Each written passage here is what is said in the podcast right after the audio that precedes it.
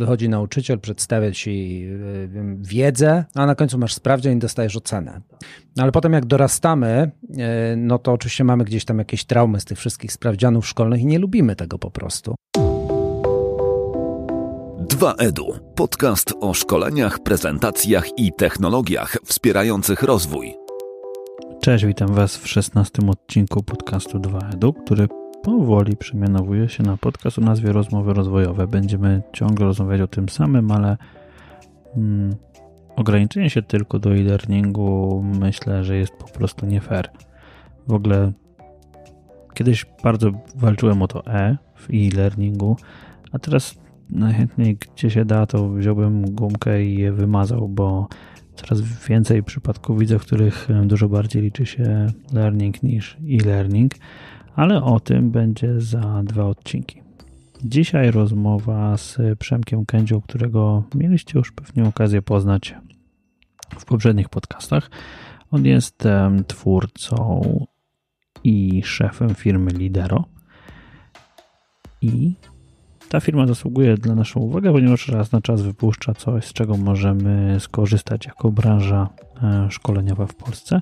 Tym razem jest to raport z badania tego, jak bardzo jesteśmy zainfekowani tradycyjnymi mm, metodami szkoleniowymi, rozwojowymi i jak bardzo myślimy w ich kategoriach. Posłuchajcie.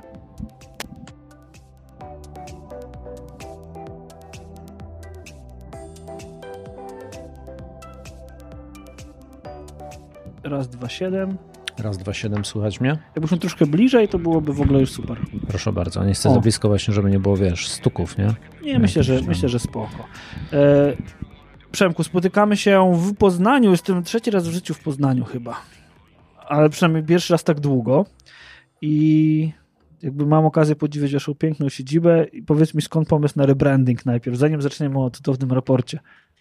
Wiesz co, y, pomysł pomysł. Historycznie te, ten nasz brand był taki mm, delikatny. Mhm. Kiedyś chcieliśmy stworzyć taki właśnie delikatny brand, żeby mm, to miało się wiązać trochę jakoś z koncepcją szkoleń, z taką delikatną kreską, stawialiśmy na grafikę, no ale jakiś czas temu doszliśmy do wniosku, że, e, że tacy do końca nie jesteśmy, że nasze DNA jest trochę inne i że chcemy być bardziej wyraziści.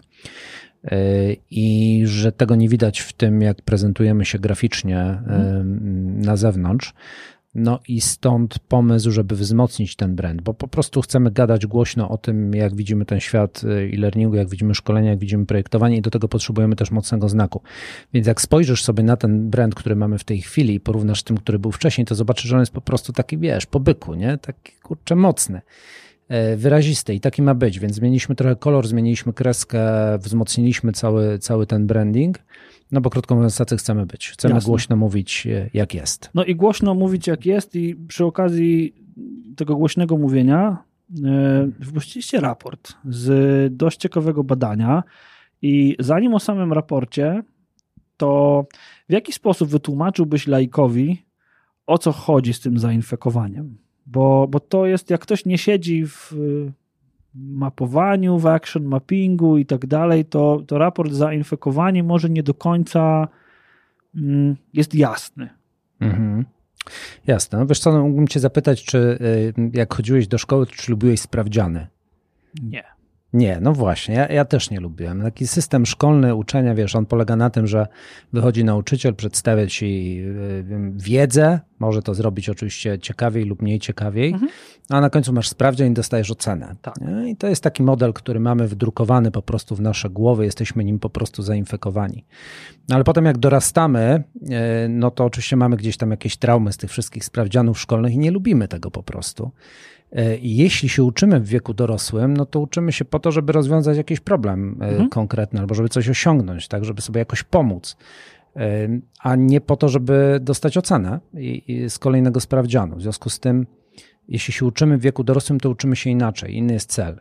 W związku z tym inne są metody, których powinniśmy używać, żeby się rozwijać albo żeby pomagać uczyć się innym. Tymczasem mamy tak mocno gdzieś wbudowany ten sposób myślenia o rozwoju, o szkoleniach, o nauce, który pochodzi właśnie z czasów tej edukacji formalnej, że spontanicznie go stosujemy e, również w uczeniu dorosłych. No i to niestety wcale nie przekłada się na skuteczność e, mhm. tego procesu uczenia. Czyli ludzie chcą ocenę, certyfikat, potwierdzenie, pasek na świadectwie.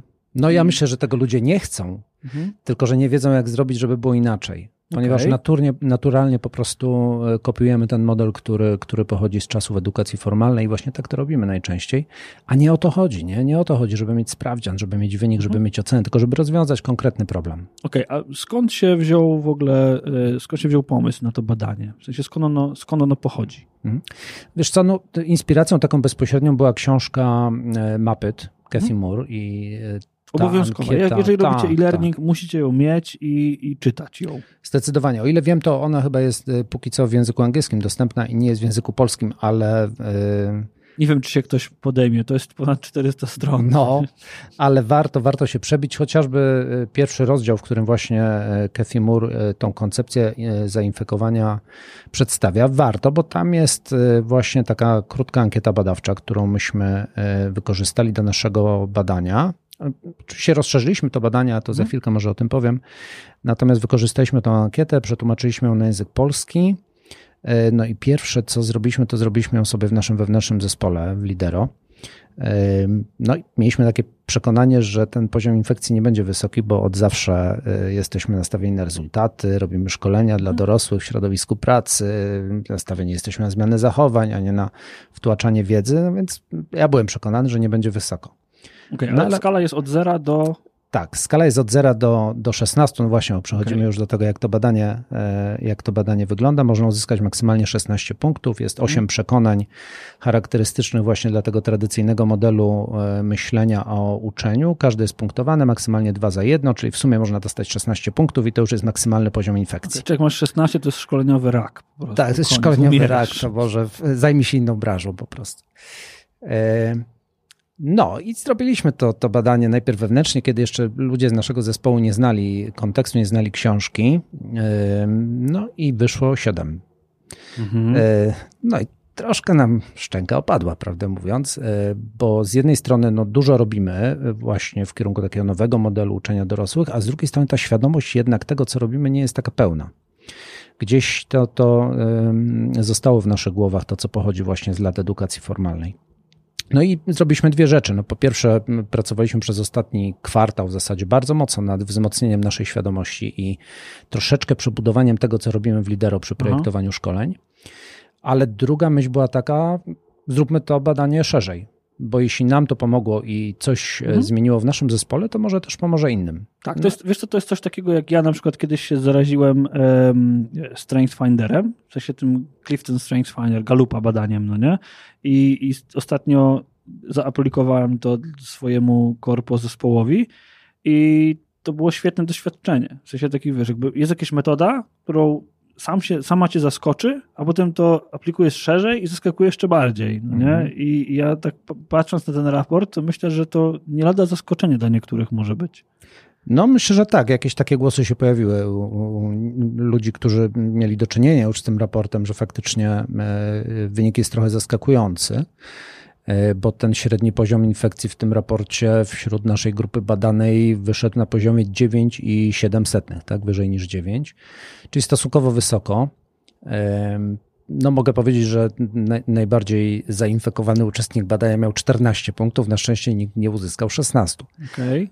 Ale Czyli tak większość badanych ma szansę na przeżycie. Tak, ma szansę na przeżycie, ale właśnie żeby sprawdzić, czy mają szansę na przeżycie, Zrobiliśmy jeszcze drugie badanie, mhm. ponad to pierwsze, które bezpośrednio pochodziło z książki Mapyt. Mianowicie, no właśnie zastanawialiśmy się, co się stanie, jeśli przedstawimy uczestnikom badania dwa przekonania, czyli jedno charakterystyczne właśnie dla tego szkolnego modelu, a drugie charakterystyczne dla tego powiedzmy nowego modelu właśnie e, przeznaczonego dla ludzi dorosłych w środowisku pracy. E, no i poprosiliśmy uczestników o wybór tego przekonania, z którym zgadzają się bardziej. Mhm. No i tu się okazało, że zdecydowana większość uczestników wybiera ten drugi model. Czyli, Czyli mam wybór, to wybieram świadomie dobrze. Tak, tak można powiedzieć. Czyli jeśli mam pewną podpowiedź, Mhm. właśnie, tak, jeśli myślę świadomie o tym, jak podejść do projektowania szkoleń, to wybieram, nazwijmy to dobrze.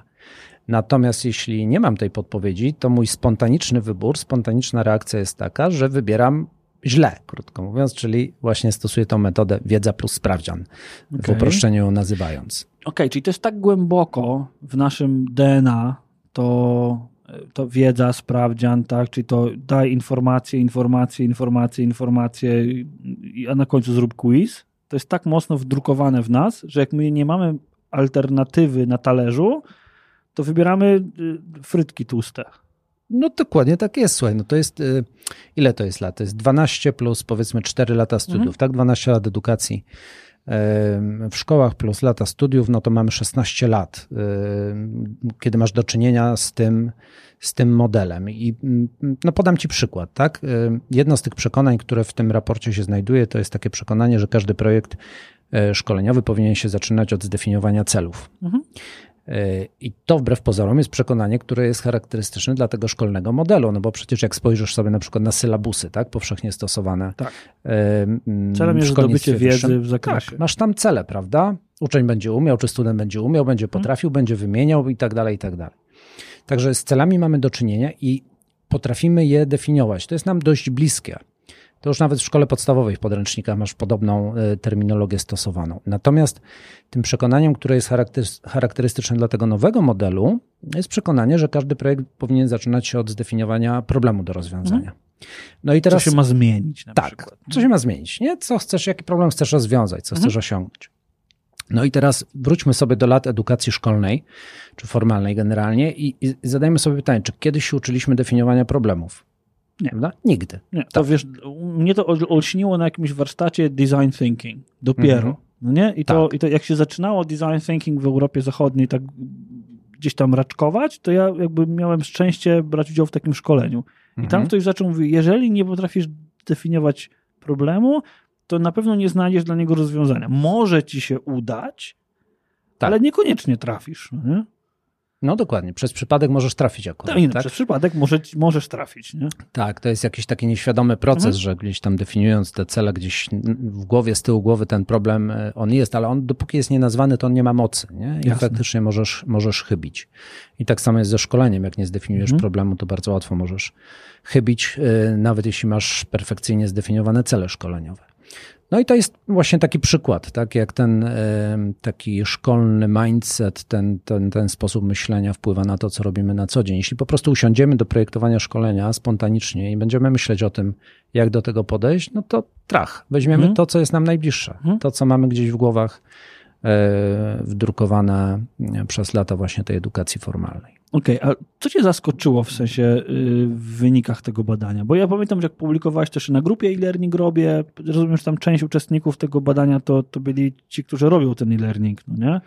I rozumiem, że to jest dość świadoma grupa, jakby ja tak przynajmniej jakby tak oceniam tę grupę, że to jest dość świadoma grupa ludzi, em, nie tylko e-learningowo świadoma, ale świadoma rozwojowo, no nie? I jakby rozumiem, że część, część badanych to byli ludzie też z tej grupy, nie? Tak, tak. To była też duża część, może nie większość, ale duża Jasne. część i faktycznie e, jak patrzymy na, na tą grupę uczestników badania, to myślę, że ona, ona była bardzo dobrze dopasowana, bo to było, Mhm. byli albo ludzie, którzy zajmują się projektowaniem, albo zamawiają szkolenia, które są dostarczane przez, e, przez innych e, wykonawców, także ostatecznie odpowiadają za, za efekt końcowy tego, tego szkolenia. Co mnie zaskoczyło, Myślę, że wiesz co, że spodziewałem się tego, że to drugie badanie wspomagane da wynik odwrotny, ale nie spodziewałem się, że aż tak bardzo Aha. e, odwrotny, bo jak e, się spojrzy na to, co mamy w raporcie, zrobiliśmy też tam porównanie wyników tych dwóch badań, no to często odpowiedzi są e, diametralnie różne. Tak? Na przykład w e, pierwszym badaniu, tym spontanicznym, 95% osób się spontanicznie zgadza z jakimś przekonaniem właśnie Mhm. charakterystycznym dla szkolnego modelu, a już w tym badaniu spontanicznym 75% zmienia zdanie. Tak, także y, z jednej strony y, ta skala tej zmiany była zaskakująca, ale z drugiej strony ona jest fajna, bo ona taką nadzieję daje, tak, że no wystarczy świadomie pomyśleć o tym, co robimy i, i jesteśmy na dobrej drodze. Nie? Czy to nie jest tak, że to jest taka ogromna niepewność, że tak wiesz, nie, kurde, nie wiem, nie wiem, czy to, czy to. Wiesz, bo to jest dla, dla mnie, mnie to pod, trochę, trochę podpowiada takie coś, że tak w zasadzie to ludzie nie wiedzą. Mhm. Wiesz, czy, czy to jest lepiej, czy to jest lepiej, nie? Że to powoduje taką niepewność, że jak mówisz komuś, ok, zaczynasz od celów, tak, tak, zaczynam od celów, nie? Tak, tak, ale jak mówisz mu, zaczynasz od celów, czy od zdefiniowania problemu? A nie, nie, no od zdefiniowania problemu. Mhm. Nie? Wiesz, jakby zastanawiam się, czy to nie jest jakby przyczyna, że, yy, że jest taka niepewność, że brakuje nam, widzisz, na przykład brakuje nam polskiej książki albo polskiego, po, polskiej Cathy Moore, tak, która by chodziła i ewangelizowała od drzwi do drzwi, że robi się inaczej. Mhm. Wiesz, ja bym nie powiedział tak jednoznacznie, że to oznacza, że nie wiem, nie? Jakbyśmy tak spojrzeli na te cztery poziomy naszej kompetencji, Się tak się zaczynając, trochę nie? no tak się domyślam. Więc y, wiesz, no jesteśmy na takim poziomie świadomej kompetencji po prostu, mm. nie? Czyli i tak nie jest źle, bo jesteśmy na trzecim, mogłoby być jeszcze gorzej. E, ale mm, żeby przejść na ten poziom tej tak zwanej nieświadomej kompetencji, no to jeszcze nam trochę brakuje, bo ta nieświadoma jednak e, jest zainfekowana, mm. krótko mówiąc. Więc musimy myśleć o tym świadomie i, i pracować nad tym. No okej. Okay. A teraz y, co byś polecał do Powiedzmy, ktoś, rozumie, że raport jest dostępny za darmo u was na stronie, można wejść, tam trzeba zostawić maila, czy nie? Czy można sobie wziąć? Trzeba zostawić maila, bo przychodzi na maila ten raporcik, także... Okej, okay, no. dobra, czyli trzeba zostawić można, maila tak. i w zamian za maila, y, na którego obiecujecie nie spamować, y, dostaje ktoś raport. Tak, trzeba zostawić maila, ale nie trzeba zostawić zgody marketingowej, także okay. luz. Nie, no, ale e, nie myślę, że źle. polecamy zostawić zgodę marketingową, bo w końcu musi wam się to też w pewnym sensie opłacać robienie tego. Come on, nie możemy wszystkiego dawać za darmo. No, wiesz co, prawdę mówiąc, to zależy nam na tym, żebyśmy wiedzieli, ile osób ten raport hmm. pobrało, bo to jest dla nas y, też jakiś miernik tego, y, tej roboty, którą włożyliśmy w, w ten raport. E, żeby on się po prostu rozszedł, żeby też wiesz, jakoś zaistniał na, na rynku i pomógł innym po prostu, więc e, dlatego trzeba zostawić maila, ale tak jak mówię, bez, nie trzeba tam zaznaczać jakiś. Dobra, no to raport e, polecamy, polecamy przeczytać, polecamy się z nim zapoznać, polecamy go przeanalizować i zastanowić się w kontekście, w kontekście tego raportu, jak naprawdę postrzegacie to uczenie się, nie? Ale ja chcę zapytać o inną rzecz, trochę taką bardziej biznesową, bo robicie dużo rzeczy, z których ja korzystam, na przykład strategiczna karta szkolenia, tak, i ten szablon do strategicznej karty szkolenia, bo on już wymusza zupełnie inne podejście do myślenia o szkoleniach. Teraz raport, który ja z miłą chęcią będę wykorzystywał, bo on znowu pokazuje, że ludzie bardzo szybko zmieniają przekonania i, i tylko trzeba y, znowu stworzyć pewno, pewne środowisko, które wspiera inne myślenie, że to nie jest tak, że my jakby jesteśmy, mamy zakute łby i będziemy myśleć ciągle szkolnie, tylko bardzo szybko możemy zmienić perspektywę patrzenia. Co z perspektywy biznesowej daje ci robienie rzeczy, którymi się w internecie dzielisz ze wszystkimi, z całą branżą? No nie? Bo, bo to jest, nie znam dużo firm w Polsce e-learningowych, które to robią. Mhm. Wiesz co, my z y, tego mm, podejścia właśnie, zaczynającego się od problemu, czyli nastawionego na rezultaty, na skuteczność, zmianę zachowań uczestników, uczyniliśmy naszą, no, nazwijmy to, taką przewagę konkurencyjną. Tak? To jest coś, co my chcemy dostarczać y, naszym klientom, chcemy dostarczać uczestnikom y, szkoleń. No i to jest trochę też taka nasza metoda na to dzielenie się tą, tą metodyką czy wnioskami. To jest taka metoda na to, żeby żeby ta firma po prostu była znana z tego, że, e, że w tym jest najlepsza, bo w tym chcemy być po prostu najlepsi. Także myślę, że to też się przekłada jakoś na postrzeganie marki naszej i, i na wartość produktów, które okay. dostarczamy. To zapytam o jeden produkt, który do mnie, do mnie ciekawi. Możesz, możesz nie odpowiadać. E, co z Effect Factor? Bo to jest coś, co mnie nurtuje. Co z takim projektem, który się nazywał Effect Factor, a teraz go już nie widzę. Mhm. To prawda. No, to jest, y, wiesz, no, mówią, że albo masz sukces, albo się uczysz, nie? No jasne. I to jest ten projekt z tej drugiej kategorii, y, okay. czyli, czyli z kategorii się uczysz, y, bo on się nie zakończył biznesowym sukcesem. W ogóle może powiem dwa słowa o tym, co Jasne, to był za, no, za no myślę, że to jest ważne, bo wiesz, może, może się nie zakończył mhm. biznesowym sukcesem, a trzeba go odkopać teraz. Tak, nie? my włożyliśmy w niego dużo serca naprawdę i dużo pracy. To był nasz taki pomysł na badanie e, skuteczności biznesowej szkoleń.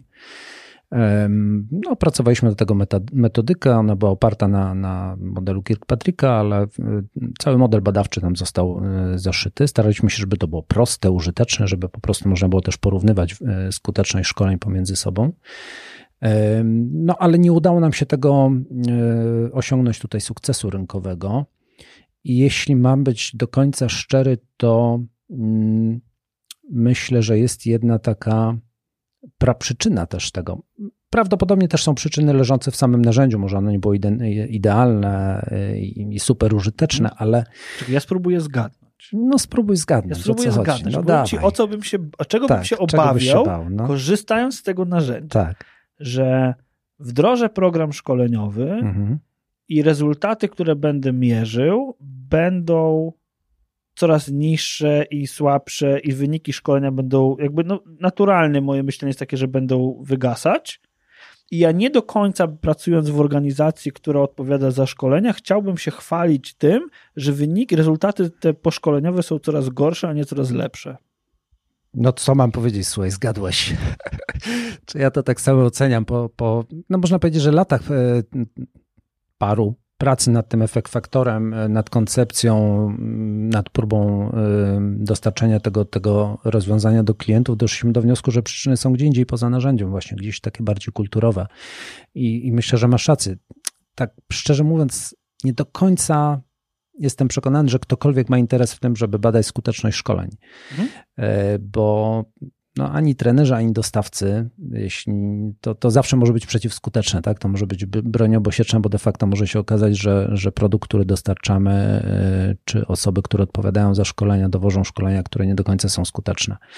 I mam wrażenie, że jak przychodzi co do czego, to niekoniecznie chcemy mieć tą wiedzę. No tak, bo wiesz, ja powiem ci, jak, jak, jak to z mojej perspektywy wyglądało. Ja ostatnio próbowałem wysłać tę samą ankietę poszkoleniową. Wysłałem ją tam tydzień po szkoleniu Potem wysłałem ją, wysłałem taki mały reminder, skrót, jakiś taki PDF do przeglądnięcia i znowu ankietę. I potem po chyba pół roku dwa pytania tam były. Czy cokolwiek z tego szkolenia wykorzystujesz? I 70% odpowiedzi było, że nie. I teraz, yy, i teraz pytanie, yy, czy my chcemy w ogóle to wiedzieć, no nie? Mhm. Bo, bo to jest tak, to, bo to jest trudne, no nie? To jest takie, wiesz, jakby pojechałeś, jakby zmużdżałeś się przez tydzień, dostarczałeś jakieś szkolenie, rozwiązanie, kosztowało to kupę pieniędzy, a po pół roku nic z tego nie zostało. Tak, a potem masz wysłać raport do klienta z wynikami tego badania i tam się okazuje, że te, te efekty są no, hmm, nie takie, jak oczekiwaliśmy, mówiąc delikatnie. Nie? albo nie, ale wiesz, no, ale teraz pytanie, czy my sobie nie składamy hmm, czy my sobie nie składamy obietnic, tak? Jakby, wiesz, idę, idę jako, jako trener, idę do firmy, w której będę szkolił pracowników. I trochę składam obietnicę, bo na stronie reklamuję, że to będzie, e, wiesz, takie umiejętności, taka zmiana, takie to, takie śmo, i że poznają narzędzie i w ogóle, i w ogóle, i w ogóle. Czyli składam pewną deklarację. Klient mówi, no chcę to, tak, chcę, żeby te zmiany wystąpiły. Nie zależy mi na nich. Zapłacę nawet za to szkolenie dużo i liczę na to, że te zmiany nastąpią. A one nie następują po pół roku. No i jest problem. No i teraz co? Znowu zamówić mhm. to szkolenie? Y, no, wiesz co, no ja myślę sobie, sobie tak o tym, że y, szkolenie nie jest wystarczającym często rozwiązaniem, jest mhm. po prostu elementem jakiegoś większego projektu i zarządzania zmianą i po prostu trzeba myśleć o skuteczności w kontekście, w kontekście całego e, projektu i, i całej zmiany, Aha. którą chcemy wprowadzić i nie oceniać skuteczności samego szkolenia. Po tych latach gdzieś właśnie pracy nad efekt faktorem i szukania metody doszedłem do takiego wniosku, że to jest trochę ślepa uliczka. E, zresztą, gdyby spojrzeć nawet na, na model Kirkpatricka, który najczęściej znamy po prostu z czterech poziomów, tak. E, ale gdyby mu się przyjrzeć bliżej, jak on jest zbudowany, szczególnie na tym czwartym poziomie, to okazuje się, że tam ten model też dużo szerzej patrzy na całe zjawisko, na zarządzanie zmianą i obejmuje wiele innych czynników. Mhm. E, I bierze je pod uwagę, bo jak wiesz, nie samo szkolenie czyni zmianę, muszą być jeszcze no, okoliczności sprzyjające, prawda, organizacja dostosowana, wsparcie i tak dalej. Są, to jest cały zestaw czynników. Dlatego myślę, że jeśli chcemy oceniać skuteczność, to trzeba patrzeć na, na cały projekt, którego szkolenie jest tylko częścią. Więc możemy szkolenie oceniać na zasadzie, czy ono się przyczyniło y, do skuteczności całego projektu, tak jak się powinno przyczynić, ale nie, to nie tylko szkolenie ma wpływ na efekt ale końcowy. Widzisz, ja się na przykład spotkałem ostatnio z sytuacją, gdzie mm, ktoś poprosił mnie o skonsultowanie jakiejś właśnie takiej zmiany organizacyjnej. No i zwłaszcza tej części e-learningowej. Nie? I jak zacząłem spotkaliśmy się, zacząłem mówić, dobra, to ten e-learning, a czego częścią jest ten e-learning, a tutaj jest taki cały program szkoleniowy i tak dalej, i tak dalej. I ja zadałem pytanie ludziom, czy, czy oni w ogóle myśleli o tym, żeby nie robić szkoleń? W sensie, że to w ogóle, bo, bo to oni mieli już nawet zdefiniowany problem, więc już nie było tak źle, no nie? Ale z mojej perspektywy rozwiązywali mm, problem, szkoleniami łatali problem. Nie? nie rozwiązywali problemu szkoleniem, tylko łatali problem. To jest, takie, to jest coś na zasadzie, piszesz oprogramowanie, ono jest słabe, to nagrasz do niego 6 godzin screencastu, za, wiesz, zamiast naprawić oprogramowanie za 20 tysięcy, to za 80 tysięcy zrobisz e-learning, żeby y, jakby przykrywał to, że oprogramowanie jest złe. Mhm, nie? Tak. I, I ja się z tym spotykam i jakby patrząc na, moją, na, na, na, wiesz, na mój setup, mogę powiedzieć, ok, nie chcę robić tego projektu, bo widzę, że mm, to nie ma sensu. Z perspektywy takiej, że to nie szkolenie jest tutaj potrzebne i nie nowy instructional design i nie zmienienie Captivate'a na Articulate'a albo na odwrót jest tutaj potrzebne, tylko trzeba zmienić podejście na przykład do sprzedawania szkoleń. Nie wiem, nazwę domeny, z której sprzedaje się swoje szkolenia. Nie pozycjonować coś, co jest z definicji złe, tylko mhm. jakby zmienić nazwę, zmienić brand, nie? E, zmienić podejście, spróbować komuś innemu sprzedawać, nie? inaczej sprzedawać. Mhm.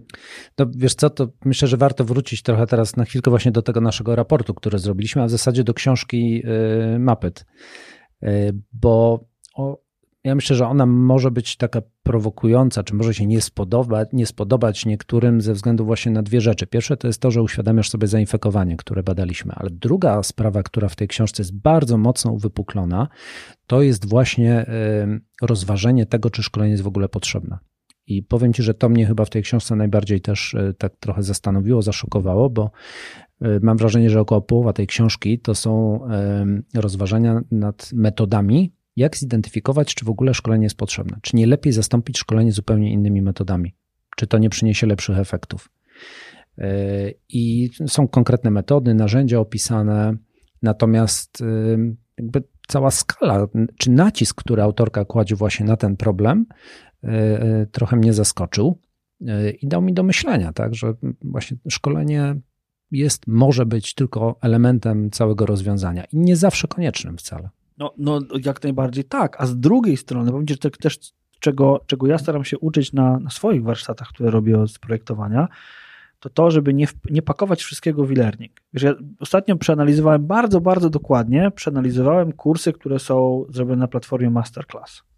Kiedyś gdzieś tam podlinkuję, miałem o tym odcinek podcastu, ale jakby ja cały czas się zmużdżam na tym, jak oni to zrobili. Jak jest, wiesz, co jest powiedziane. Już pomijam tego, kto to mówi, bo oczywiście to jest jakby, y, to napędza sprzedaż, kto to robi, ale tam wideo jest jedną czwartą całego projektu.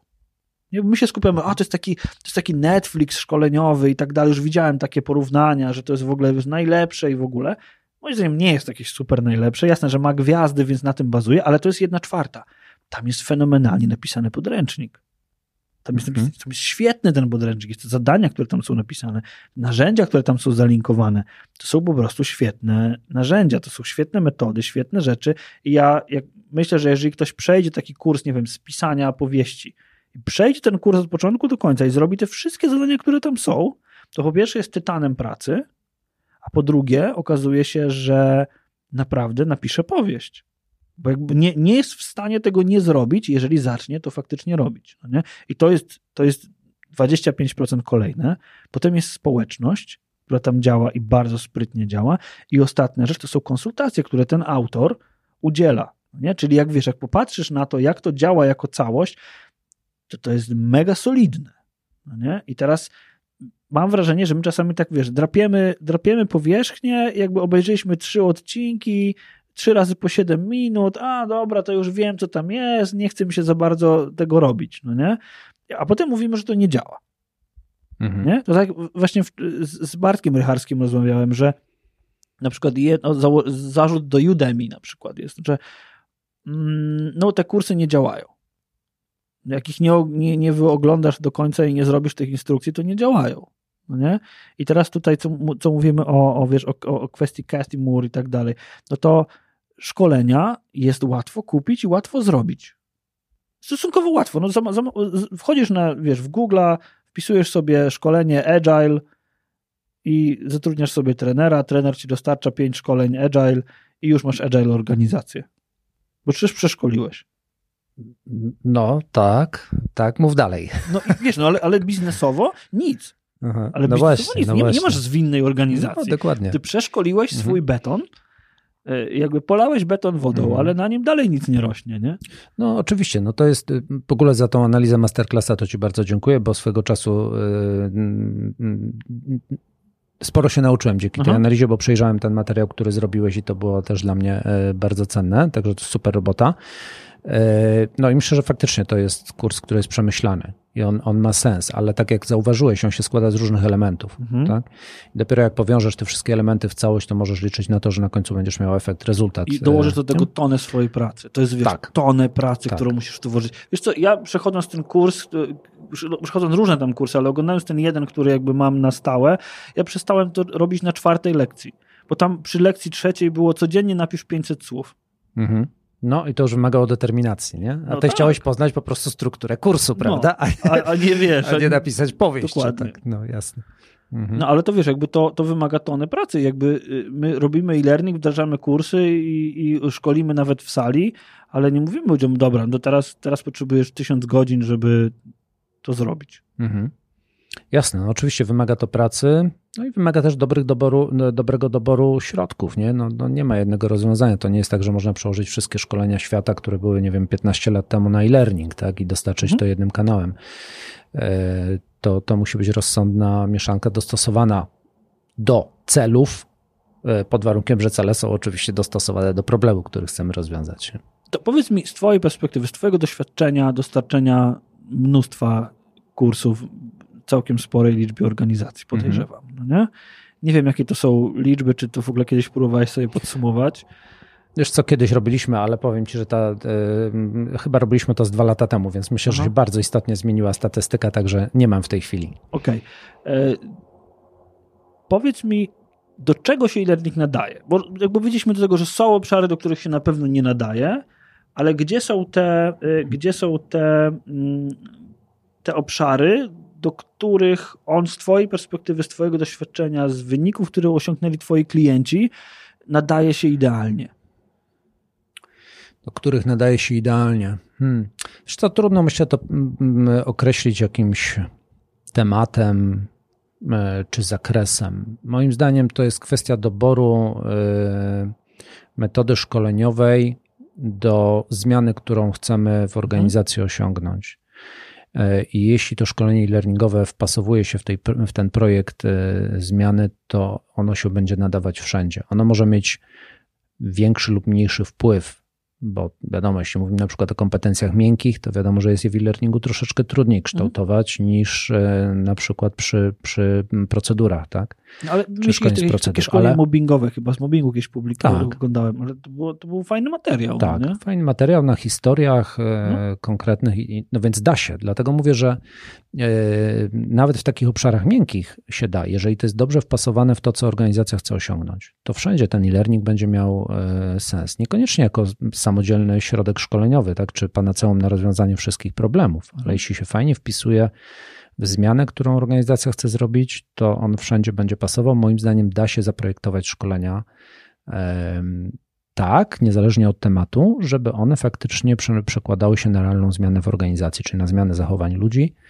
e, i na konkretne rezultaty, ale warunek jest taki, że będzie to dobrze wpasowane w zmianę, którą organizacja chce mhm. wykonać. I to nie musi być jakaś, mm, Bóg wie jak wielka zmiana, tak? No weźmy sobie szkolenie z BHP, tak?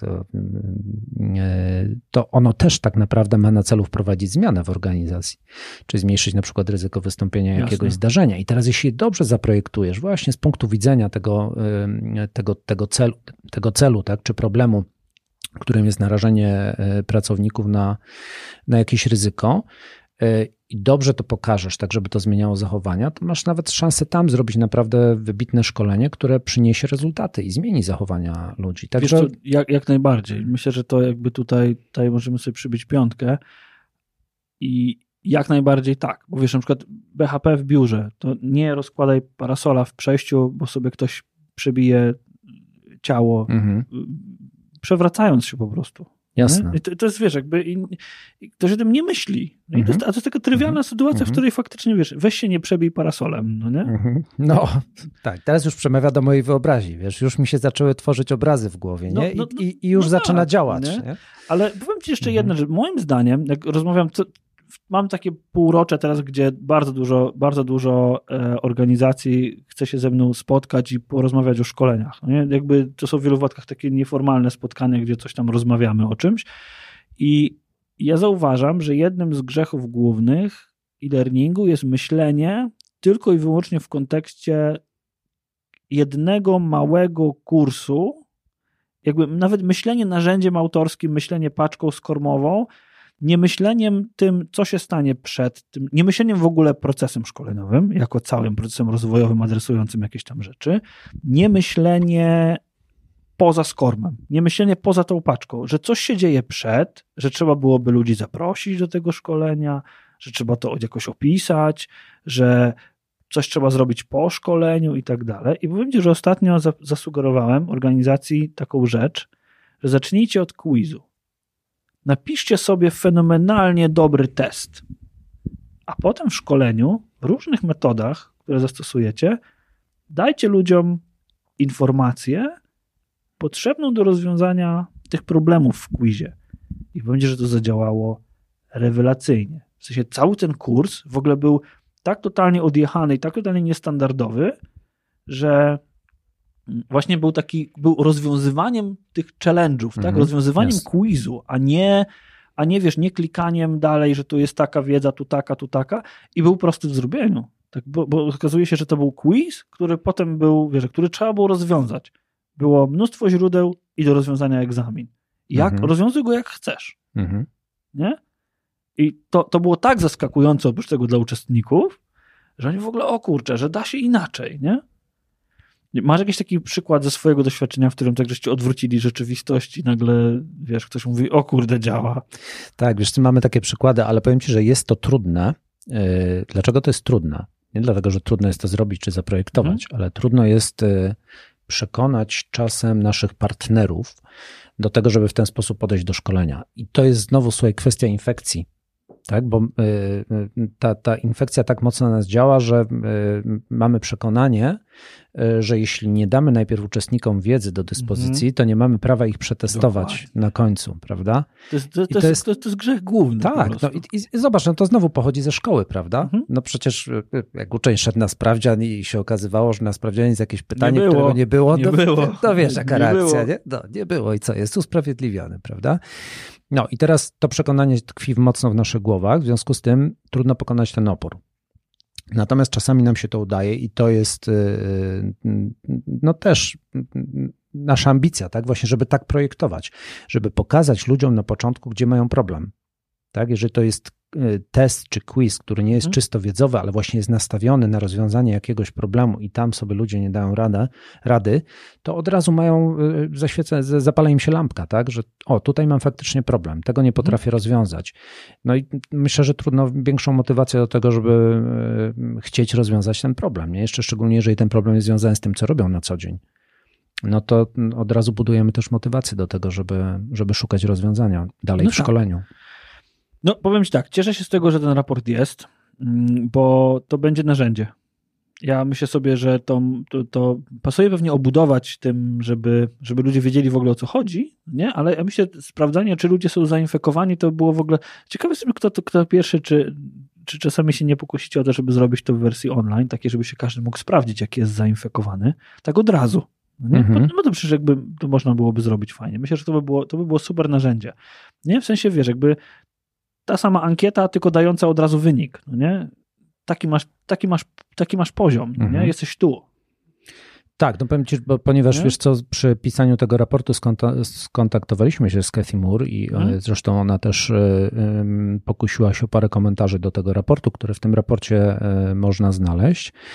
No i z tego co wiem, to one też e, myśli właśnie o e, unarzędziowieniu tego, e, tego badania w tej fazie właśnie zainfekowania. Nie?